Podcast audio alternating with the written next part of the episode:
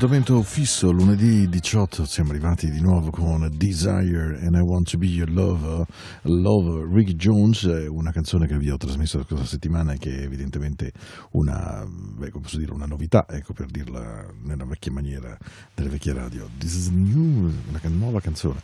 Lunedì 18 gennaio mi auguro che stiate bene dopo un buon weekend, dopo un po' di rilassatezza, dopo evidentemente festeggiamenti chi sì chi no, insomma per come abbiate passato questa giornata, oggi il primo giorno con negozi chiusi, con l'obbligo dove possibile di telelavoro, insomma un'ulteriore stretta alla nostra vita, un ulteriore eh, passo, in, speriamo in avanti evidentemente, questo è quello che ci auspichiamo tutti, ma anche un passo di ulteriore stretta al collo. Era il 22 febbraio, me lo ricordo perfettamente, tornavo da una grande riunione nella zona di Torino e la radio diceva che stato, fosse stato ricoverato il paziente 0, il paziente 1 a Codogno e mentre ascoltavo la radio mi dicevo caspita allora è arrivato anche da noi allora è qualcosa che comincia e quasi un anno dopo siamo ancora davvero in mezzo a questa grande battaglia siamo ancora in mezzo a, a questa tensione, a questa preoccupazione a questo capire anche come sarà il nostro domani, se torneremo ciò che eravamo, se non torneremo mai più ciò che eravamo. Le risposte sono veramente tante e non è sicuramente nelle mie mani essere in grado di darvi una risposta assolutamente intelligente. Però, insomma... Ah, questa è una trasmissione dove cerchiamo di farvi stare bene con un buon suono. I just want to thank you, Mika Paris. Ah, Hey, baby, I do love you when we make sweet love. It's so sweet. Mm.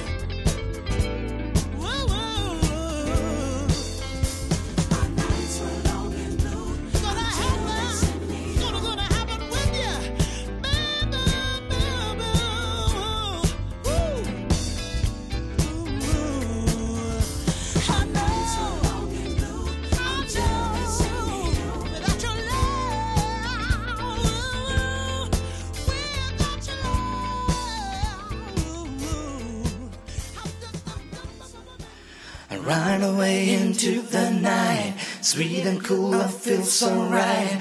Music showed me right away, and now I know that this song will know. Late man, astray.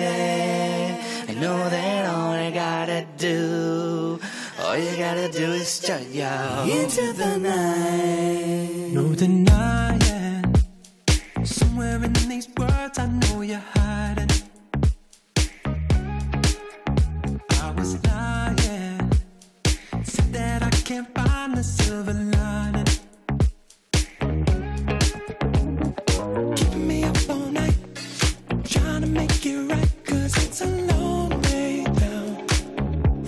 Try to fake it as we go. You try to take it like a pro. I try to listen, but you know I barely understand me. Nobody said, nobody said, nobody said it was easy. No, no, no. Nobody said, nobody said, nobody said it was easy.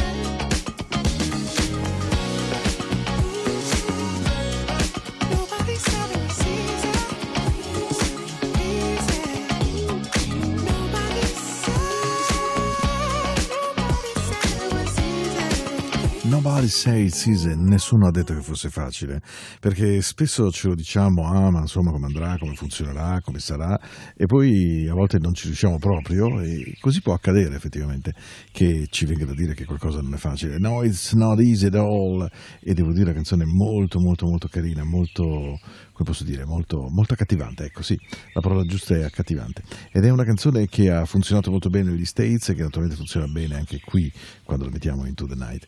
Devo dire anche che mi è successa una cosa strana questa settimana. Ho trasmesso la scorsa, lo scorso, gio- sette giorni fa un brano che non avevo mai messo. E devo dire che ho ricevuto un sacco di whatsapp di amici e amiche che mi dicevano yes I am, yes I am, un'altre due ragazze che mi hanno scritto per mail yes I am e via dicendo. Non avrei pensato che una canzone, tra l'altro veramente non nuova, avrebbe, avrebbe provocato una, una reazione emotiva così forte. E questo mi ha dimostrato che la bellezza non abbia tempo, che le canzoni che hanno un significato profondo non si consumano, non si usurano e allora mi sono detto guarda, visto che ha funzionato, la rimettiamo. La rimettiamo e ce la ricantiamo nel vero senso della parola, perché fa bene al cuore, fa bene alla mente, fa bene a noi, fa bene andare a caccia di, di buone sensazioni, di qualcosa che abbiamo smarrito, che abbiamo bisogno di sentire dentro, forte, forte, forte. Are you ready for love? Perché è molto facile dire sì, sì, sono innamorato, ma poi sei davvero pronto, sei davvero pronta per l'amore. Yes, I am. Of course, baby. Yes. a star if you can. Wish for something special.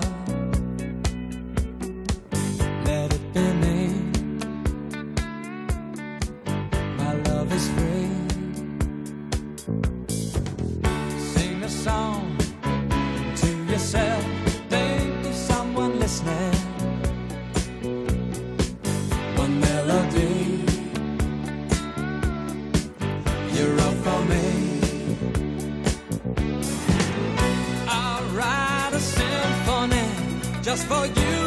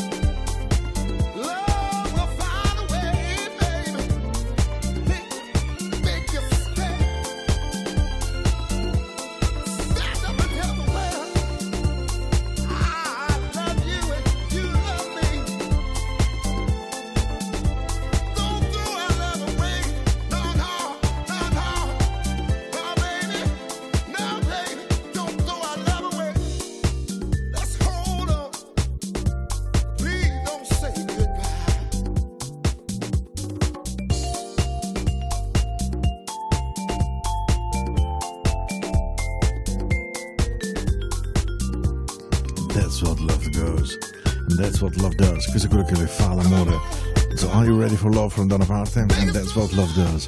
Vincent Pons and the Junior. Beh, devo dire che in realtà tra le due canzoni c'è un collegamento culturale enorme perché Vincent Montana Jr. è stato anche lui un grande, grandissimo del Philadelphia Sound e, ed è stato il fondatore per esempio della South Orchestra. Dovete sapere che ai tempi del Sigma Sound Studio, quindi parliamo della metà degli anni 70, c'era la Mother Father System Brothers Orchestra MFSB di Kenny Gable e Leonard Huff, quelli di TSOP, The Sound of Philadelphia, la canzone che lancia nel mondo il fatto che Philadelphia abbia un suo suono e un suo modo di vivere la musica contemporaneamente c'era la Salsa Orchestra con Salsa Hustle di Vincent Mountain Jr. appunto.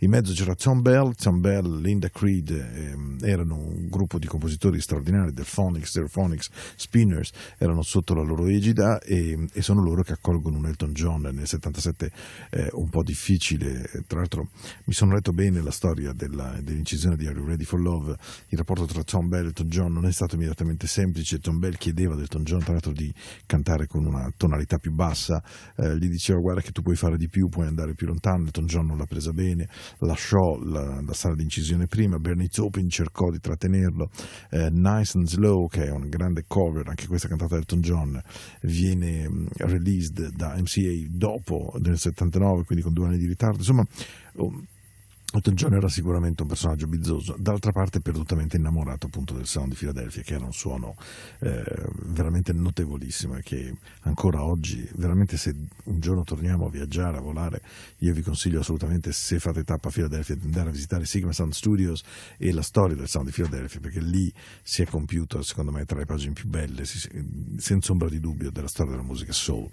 Questa è Into the Night, questa è la musica della notte, oggi è 18 gennaio, il mese ormai va avanti, speriamo che fine febbraio arrivi in fretta, fretta, fretta, fretta. E intanto Oleda Adams, ehi, questa è una canzone di una bellezza assolutamente esagerata.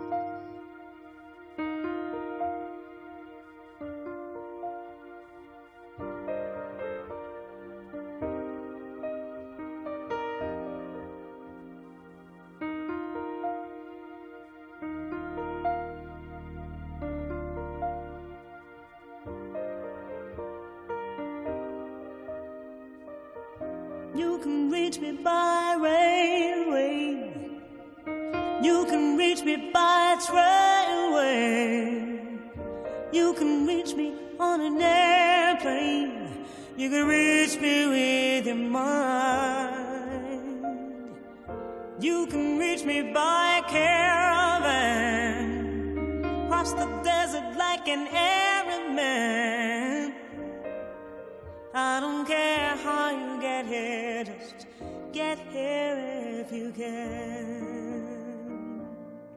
You can reach me by sailboat, climb a tree and swing rope to rope, take a sled and slide down slow into these arms of mine. You can jump on a speedy cross the border in a blaze of hope. I don't care how you get here, just get here if you can. There are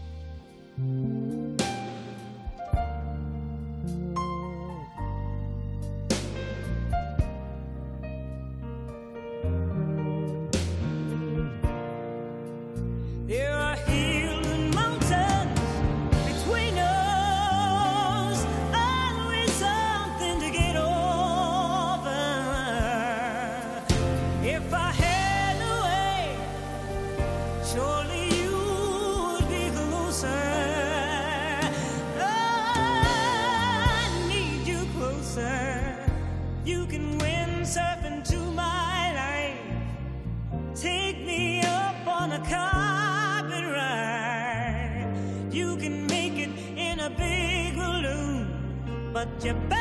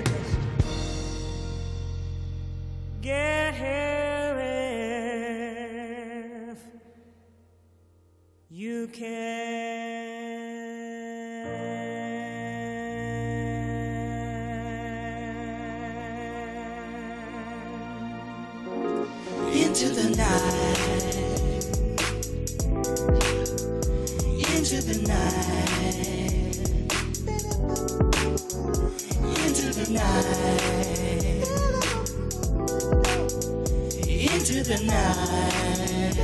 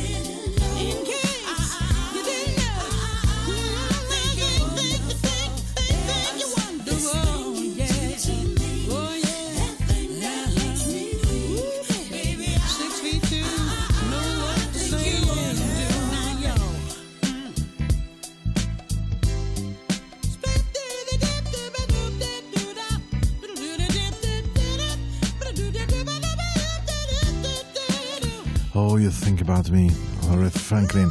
It's so wonderful, it's wonderful, absolutely great. E una canzone bella, bella, bella, bella davvero di Aretha Franklin in questa nostra notte che sì, devo dire, non è assolutamente piovosa, ma ci mancherebbe altro. Però, insomma, eh, avete sentito che disastri, la neve, eh, a me diverte sempre quando ci sono tutte queste discussioni grandissime sulla meteorologia e devo dire che lo, lo dico scioccamente eh, probabilmente, però mi, un pochino mi fa godere perché la rivincita della natura sono noi uomini che vogliamo controllare tutto, vogliamo sapere che tempo farà, come sarà domani, come sarà dopodomani, che cosa accadrà, come la mia agenda. E questo nostro aver programmato davvero tutto, immaginato tutto è qualcosa di così uccidente, di così brutto, di così malinconico, perché ci toglie la gioia della sorpresa, del- del- dell'inaspettato, dell'inatteso. E, e allora poi arriva una nevicata così e anche l'arrogante, ricca, potente Zurigo improvvisamente crolla miseramente al suolo, come avete visto sicuramente dai giornali. eh. Oh, this is my radio. Siamo andati al vero soul, quello proprio the main ingredient. Siamo andati indietro agli albori del soul.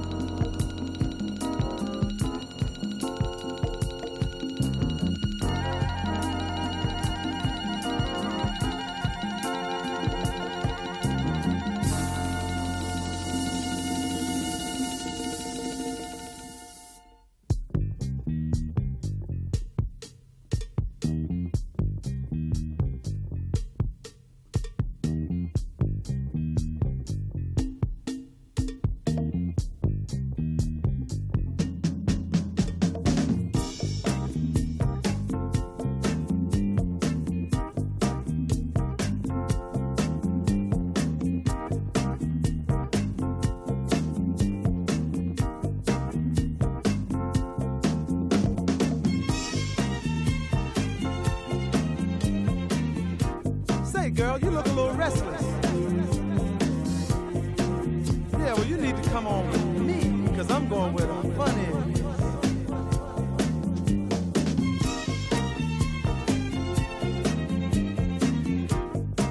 Come on, don't get lazy now.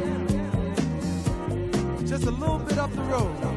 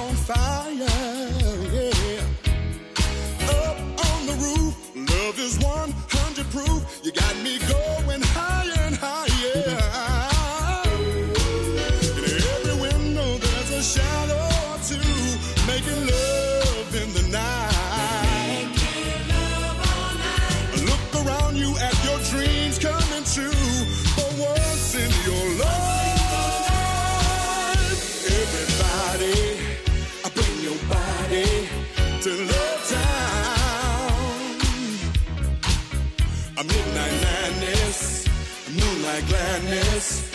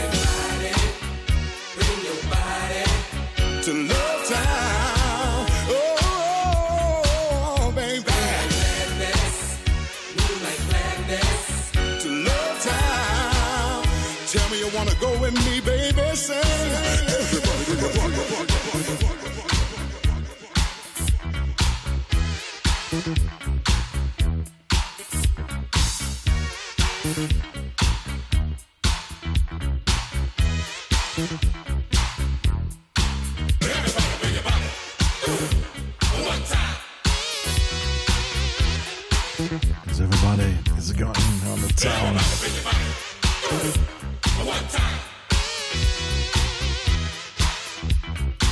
Booker Newberry the second, just love town. We got the girl tonight, yeah. He's 1880. yeah.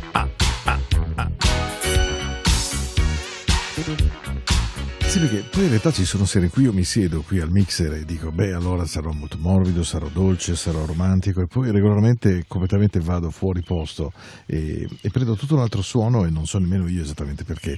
Ma mm, è un periodo in cui vi siete accorti sicuramente che a Into the Night c'è più groove, c'è più ritmo, perché perché ragazzi, eh, cioè, motivi per essere un po' malinconici ne abbiamo, e ha, giustissima ragione, per essere un po' spaventati altrettanto, per non essere così convinti dei nostri governanti anche, anche se loro davvero è tutto, fuorché un mestiere semplice di questi tempi.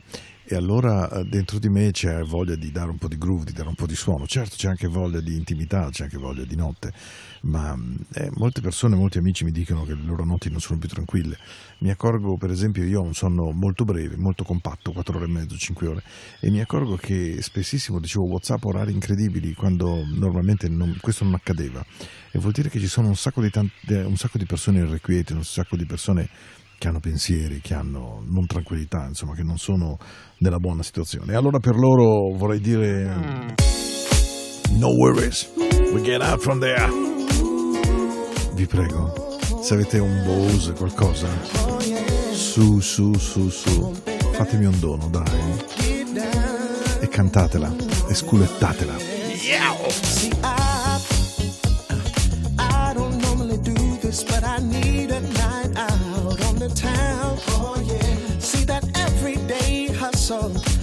my spirits down, and I need some activity to turn my frown around. I'm as sharp as a tack, that's cool as a Cadillac. I just got to get this monkey off my back. Oh yeah. Now I'm surrounded by ladies. Come on and funky down, baby. I don't oh, know when this will happen again, so tonight I'm not gonna worry. No, no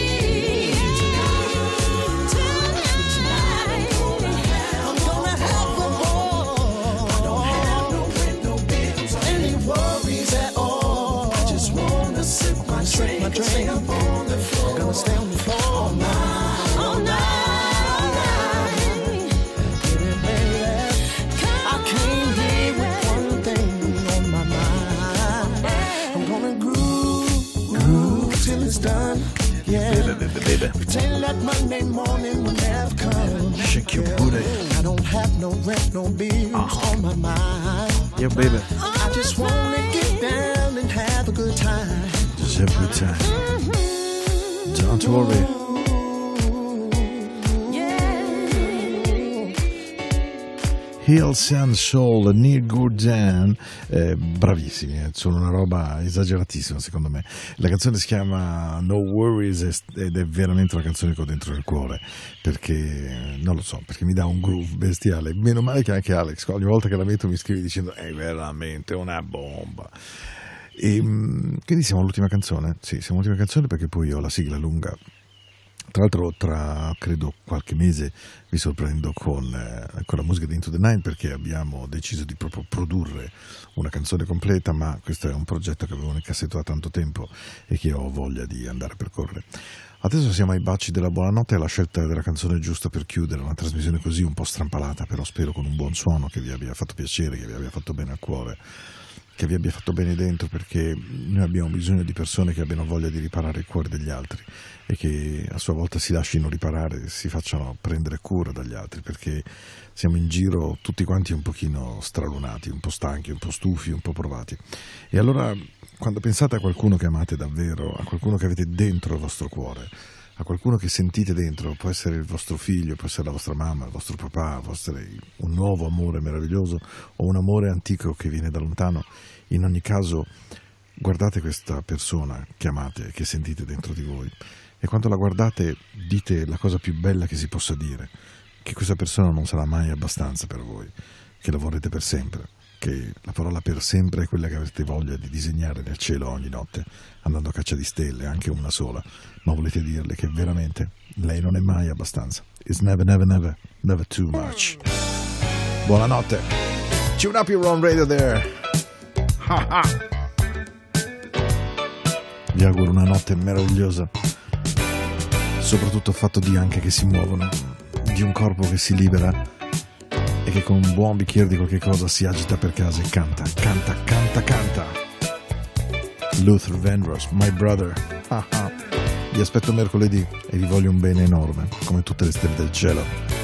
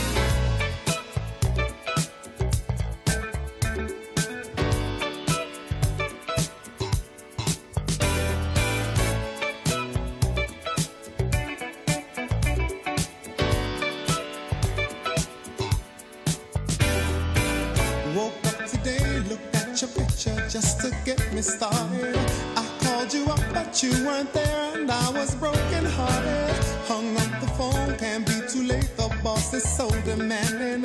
Open the door up, and to my surprise, there you were standing. Who needs to go to work to hustle for another dollar? I'd rather be with you, cause you make my heart scream and holler. Love is a gamble, and I'm so glad that I am winning. We've come a long way, and yet this is only the beginning.